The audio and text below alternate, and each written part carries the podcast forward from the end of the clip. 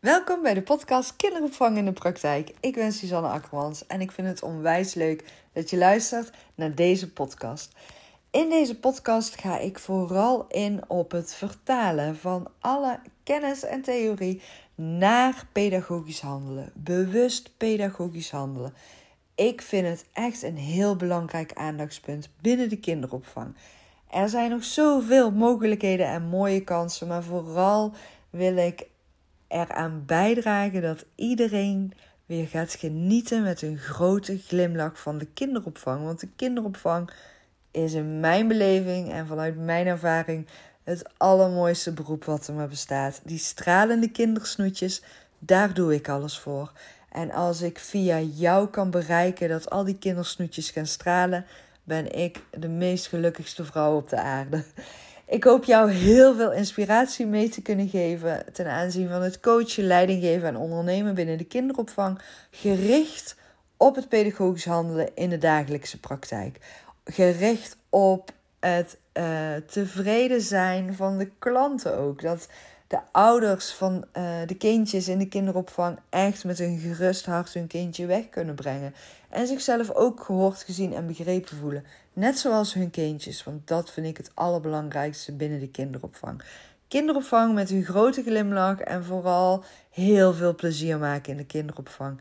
Dat is waar ik mezelf op richt en wat ik hoop te realiseren binnen de landelijke kinderopvang. En als jij een pedagogisch coach bent en zoekende bent in hoe kan ik dan vanuit um, betrokkenheid coachen zonder weerstand, of hoe kan ik als kinderopvangondernemer al mijn doelen waarmaken en succesvol zijn binnen de kinderopvang, beluister dan zeker al mijn podcastafleveringen. Heb je vragen? Stel ze gerust. Ik wens je veel plezier. De afgelopen dagen heb ik echt uh, weer heel veel telefonische afspraken gehad, coachingsafspraken gehad. En ook uh, adviesgesprekken gehad met kinderopvangondernemers, maar ook pedagogisch coaches en pedagogisch medewerkers. En ja, ik weet niet, het, het zet mij altijd uh, gigantisch uh, aan. Ik krijg er heel veel energie van, nieuwe inspiratie ook. En ik moest nog even terugdenken aan een vraag die ik ook op social media best wel veel gesteld heb gekregen. Naar aanleiding van de vorige podcastaflevering over Reggio Emilia. En ik dacht net even tussen alle afspraken door. Ik heb nog wel even tijd om een podcast op te nemen. Dus bij deze. Ik uh, zit nu lekker even in mijn stoel met een kop koffie. En ik heb over precies een uur heb ik weer een telefonische afspraak staan. Weer met een kinderopvangondernemer. En um, nou ja, nu wil ik graag even ingaan op die vraag die ik heb gekregen. Want ik denk dat het voor jou ook best wel uh, ja, verhelderend kan zijn. En je daar ook nog misschien wel mee vooruit kan. En misschien herken je het ook wel dat je die vraag zelf ook gesteld hebt gekregen eh, als pedagogisch coach zijnde. vanuit het team. Want uh, de vraag was dus: hoe kan je dan divers spelaanbod aan kinderen gaan aanbieden in een groep kinderen? Stel je hebt uh, eh, 16 kinderen in de groep en je wil dus echt het spelaanbod veel meer gaan richten op de behoeftes van de kindjes. je wil veel meer gaan aansluiten op de ontwikkelingsfases van de kinderen die in de groep aanwezig zijn. En ook veel meer aansluiten op de belevingswereld van de kinderen. En dus echt veel meer ook dat gedachtegoed van Reggio Emilia gaan implementeren in de dagelijkse praktijk. Hoe ga je dat dan doen met zoveel kinderen in de groep? Want dan ontstaat er chaos. Ik geloof niet dat er chaos ontstaat, eh, maar ik zal het een beetje gaan uitleggen en toelichten. Wanneer je dus echt weet welke kinderen er in de groep aanwezig zijn, eh, wat die kinderen blij maakt, waar die kinderen vaak mee spelen. Eh, bijvoorbeeld, je hebt een groep van 16 kinderen. Eh, ik neem even de peutergroep als voorbeeld en uitgangspunt, maar je kan daar ook een verticale groep voor gebruiken. Je kan ook een babygroep voor gebruiken. Uh, Dreumensgroep maakt eigenlijk niet uit welke leeftijden, maar om het even helder te kunnen verwoorden via deze podcastaflevering, kies ik nu voor de peutergroep. 16 peuters in een leeftijd van 2 tot 4 jaar. Je hebt uh, acht jongens in de groep, acht meisjes in de groep. We doen het gewoon even heel makkelijk uh, ja, vertalen, uitleggen. Kijk dan echt eens gewoon eens een keer een, um, een paar weken achter elkaar steeds pak één dag uit de week, bijvoorbeeld de maandag. En ga iedere keer kijken naar die groep kinderen. Waar gaan ze mee spelen? Wat zie jij vier weken aan een stuk iedere keer op maandag diezelfde kinderen in hun spel gaan doen? Welke speelhoeken zoeken ze op? Welke spelmaterialen zoeken ze op? Wat voor fantasiespel zie je? Welke kinderen spelen samen? Welke kinderen spelen niet samen? Uh, welke momentjes zijn er misschien heel veel kleine ruzietjes, oneenigheden en misschien kinderen die een beetje doelloos rondwalen. Probeer daar gewoon echt eens even heel goed naar te kijken en echt te observeren. Kijken, observeren, luisteren. Wat zie je die kinderen doen? Wat hoor je die kinderen zeggen? En wat voor spelmaterialen pakken ze erbij? Als je daar dus een aantal weken echt gericht op gaat focussen en naar gaat kijken, dan ga je ontdekken wat is favoriet, wat is niet favoriet, eh, met welke verhalen komen ze, wat speelt er bij de kindjes. En misschien zie je iedere keer dat ehm, ja, de jongetjes heel erg veel aan het rondrennen zijn.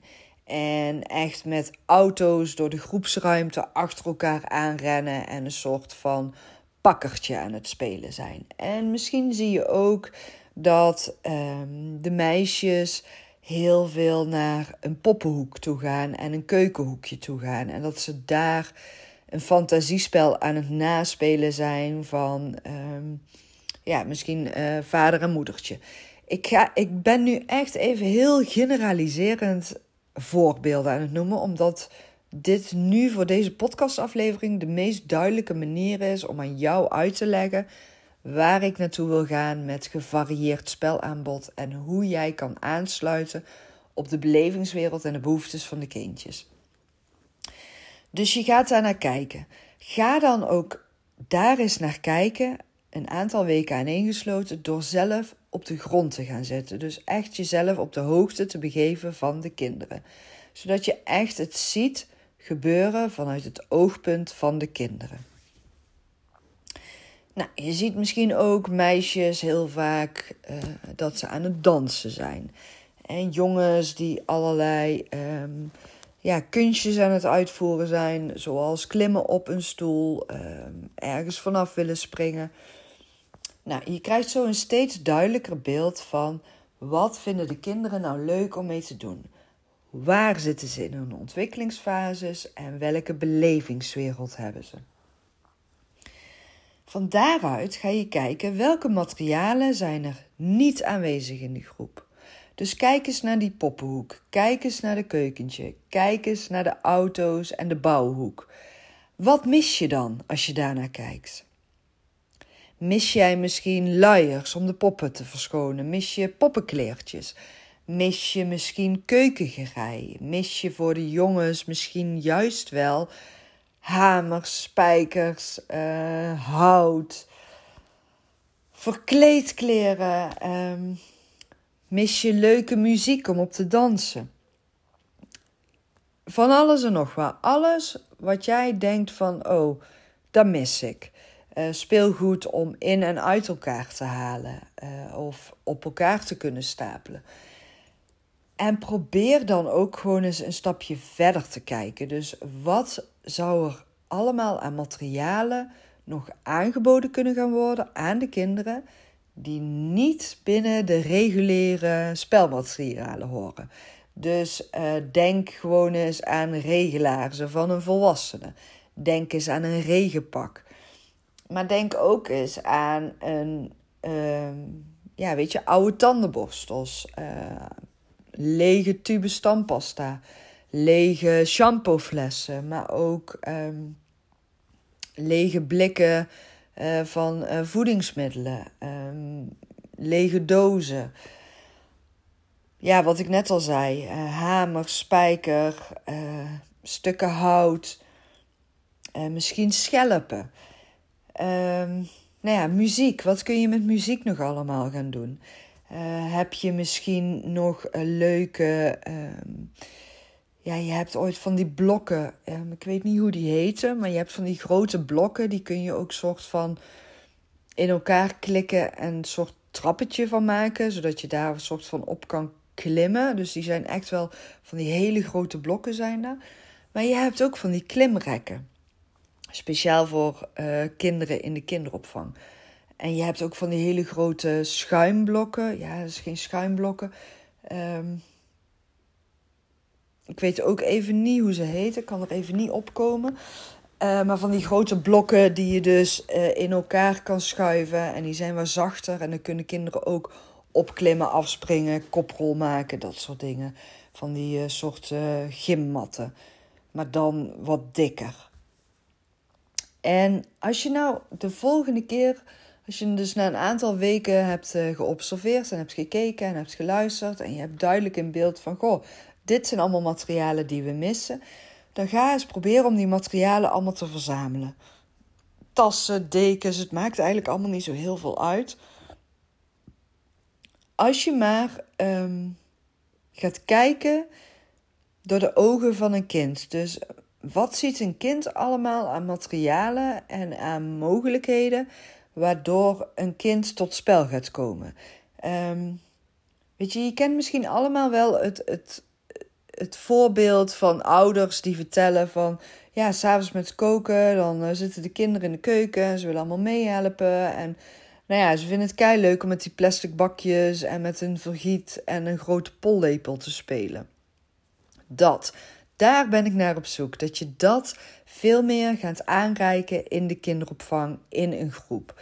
En als je dan dus, want dan komt dus die vraag van ja, maar als ik dat ga doen, dan ontstaat er toch chaos. Als ik, als ik allerlei divers spelaanbod ga aanbieden en ik ga het spel dan niet structureren, ik ga dan niet een activiteit aan koppelen en we hebben dan 16 kinderen in de groep, dan wordt het toch één grote chaos. Nee, want je bent gaan kijken naar waar ligt de belevingswereld, de behoeften, de ontwikkeling van deze kinderen. Waar kijken zij naar? Wat vinden zij leuk om te doen? En hoe kan ik hun spel verder gaan verdiepen? Hoe kan ik hun ontwikkeling gaan stimuleren door nieuwe spelmaterialen aan te gaan bieden?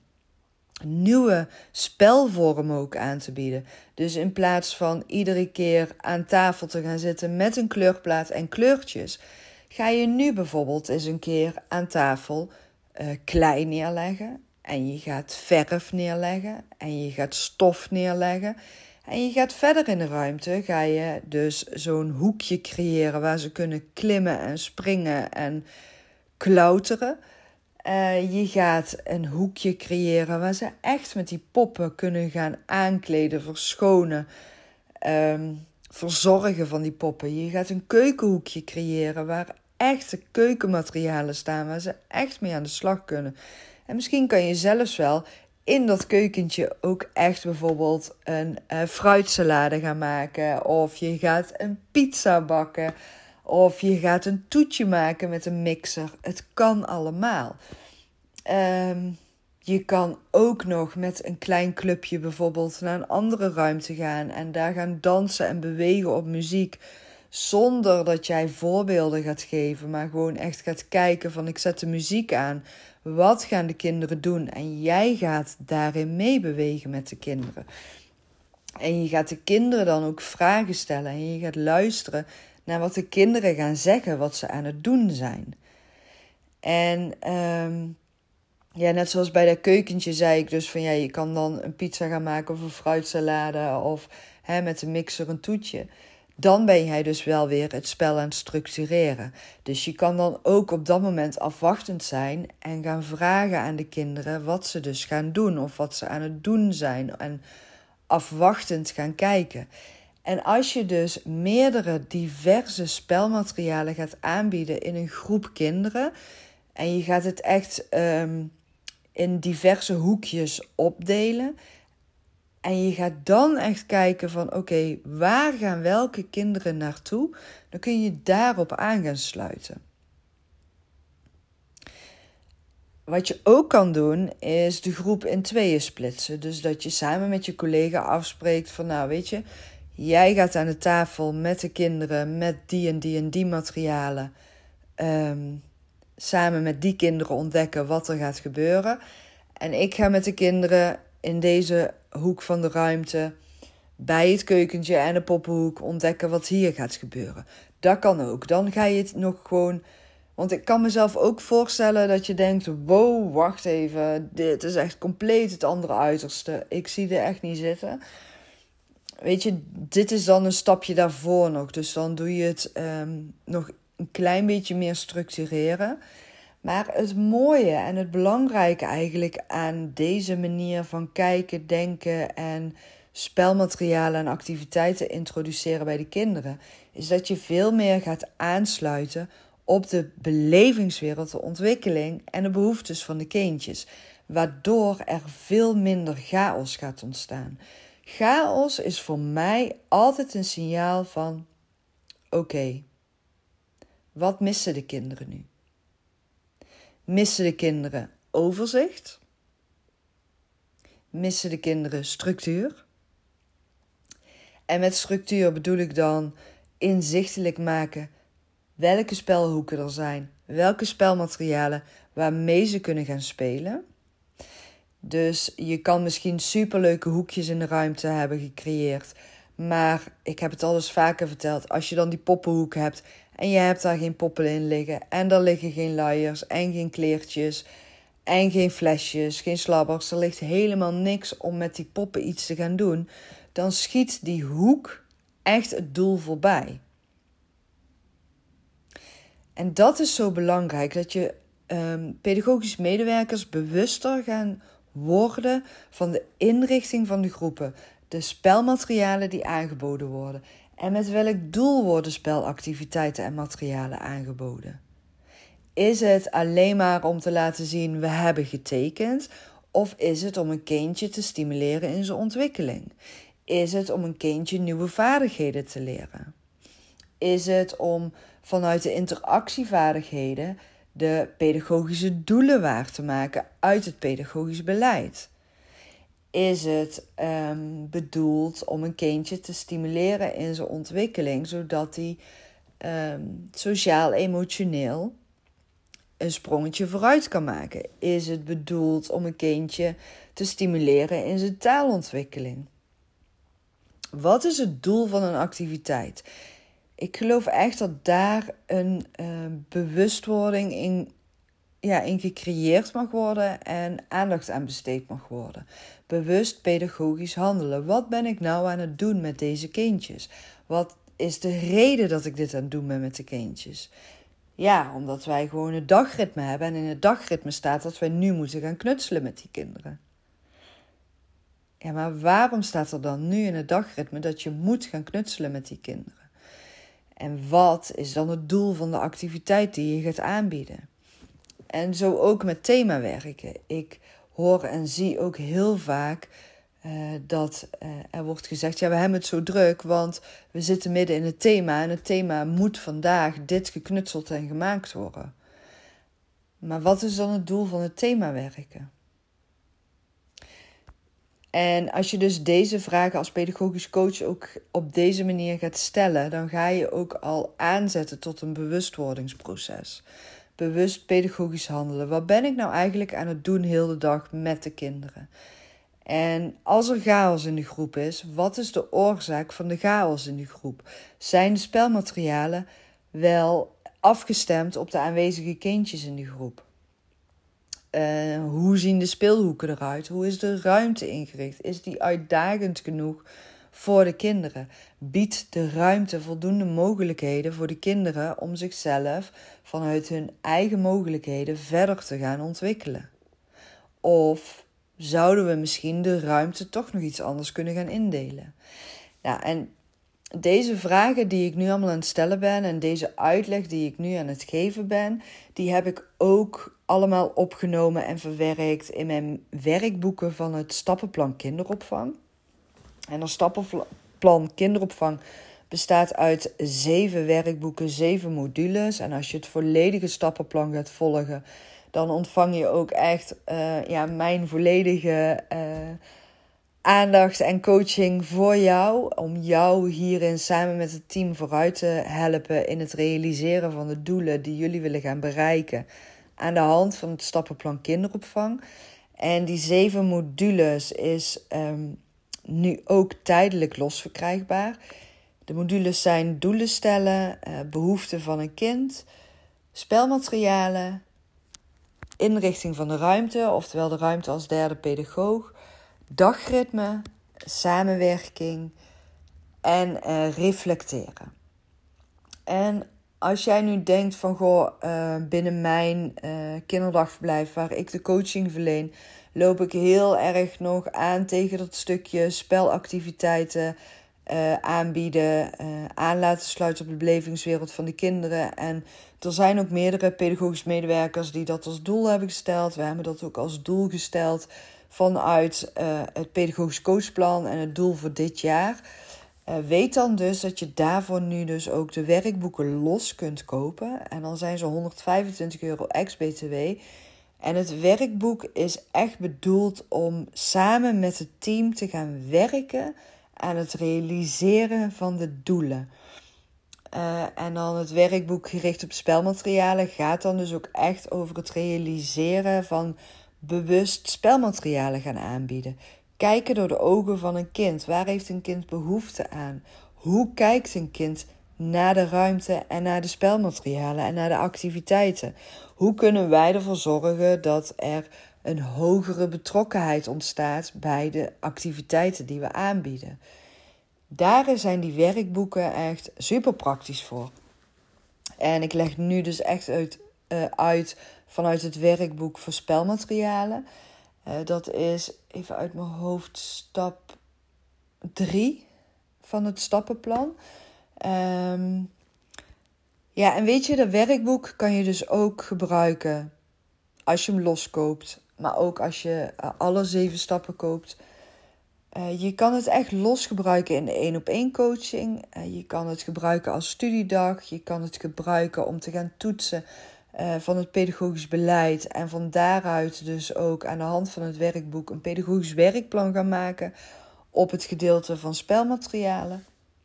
Uh, dus welke afspraken gaan we met elkaar daarover maken binnen het team? Uh, welke doelen willen we met elkaar daarin gaan behalen? Hebben we die doelen al gerealiseerd? Um, ja, wat is er voor nodig? welke activiteiten zijn er allemaal? Welke ontwikkelingsgebieden zijn er allemaal? Um, en het is echt een werkboek, weet je. Je kan het gewoon downloaden en bewaren. Je hebt ook als je het koopt uh, de rest van je leven toegang tot de academie uh, die ik heb uh, gerealiseerd met een heel divers cursusaanbod. En dan kan je dus ook iedere keer opnieuw, weet je, in je eigen tempo naar dat werkboek kijken of dus downloaden. Uh, je kan het dus ook bewijzen van ieder jaar opnieuw inzetten. Over tien jaar kan je het nog steeds gebruiken. Dus het is gewoon echt ideaal. Als je gewoon een keer een stagebegeleiding hebt en je denkt: oh wauw, deze stagiaire die heeft echt nog wel uh, ja, wat, uh, wat ontwikkeling die ze mag doormaken ten aanzien van spelmaterialen. Dan kan je er ook weer bij pakken ja, wat ik net al zei, een één op één coaching. Maar je zou er dus ook een hele studiedag voor je team van kunnen maken aan de hand van het werkboek spelmaterialen, maar ook aan de hand van de andere werkboeken.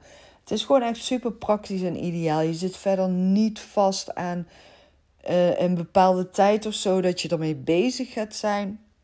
Het is ook geen werkboek wat gewoon in de kast verdwijnt. Want het is echt um, ja, praktijkgericht ik geloof echt altijd dat je vanuit uh, diverse opleidingen enorm veel kennis gaat opdoen. Maar uiteindelijk het uh, steeds ja, praktisch weten toe te passen in de praktijk. Maar vooral ook het eigen gaan maken. Zodat het echt in je systeem gaat zitten. En je echt bewust ermee gaat werken.